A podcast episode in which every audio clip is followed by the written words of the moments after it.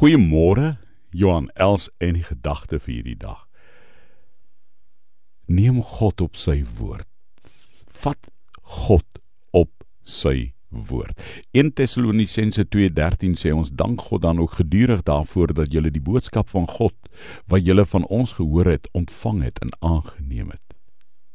Kom ons gaan droom 'n nuwe droom los vir God vandag. Miskien het jy iewers 'n bietjie vasgeval in 'n spiraal wat jou aftrek. Jy sien net die verkeerde dinge. Jy sien net die die goed wat almal sinies wil maak. Jy sien nie meer die heelheid, maar net die stikkindheid. Jy is vasgevang in 'n negativiteit in 'n wanhoop wat vir jou so frustreer Jy gaan selfs kerk toe en jy kyk daai klomp in die kerk en jy dink maar ek wil nie soos hulle wees wit gepleisterde grafte soos Jesus gesê het 'n klomp skyn heilige gesigte daar in die kerk want jy weet wat hulle sê en wat hulle doen wat hulle dalk aan jou gedoen het.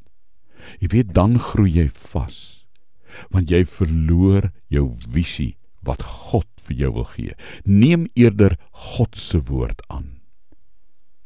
Vat ver oggend die uitdaging van 'n nuwe droom wat jy moet gaan losdroom vir God.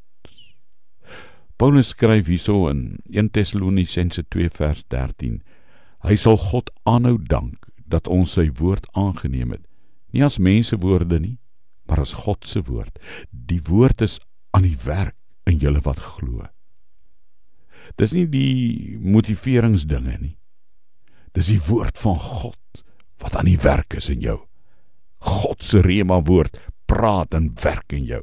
En nou kan jy die wêreld gaan omkeer vir God Here Jesus se genade in die Heilige Gees se krag. Nou het jy 'n vars verwagting van die werk van die Heilige Gees. Nou verheerlik jy God op 'n nuwe manier en nie op die vorige ou beproefde maniere. Nou droom jy verby jou eie beperkings en jou eie sigbaarheid, 'n nuwe visie los vir God. Kom ons vat God op sy woord en kom ons vat hierdie dag gaan droom nuwe drome los vir ons se God.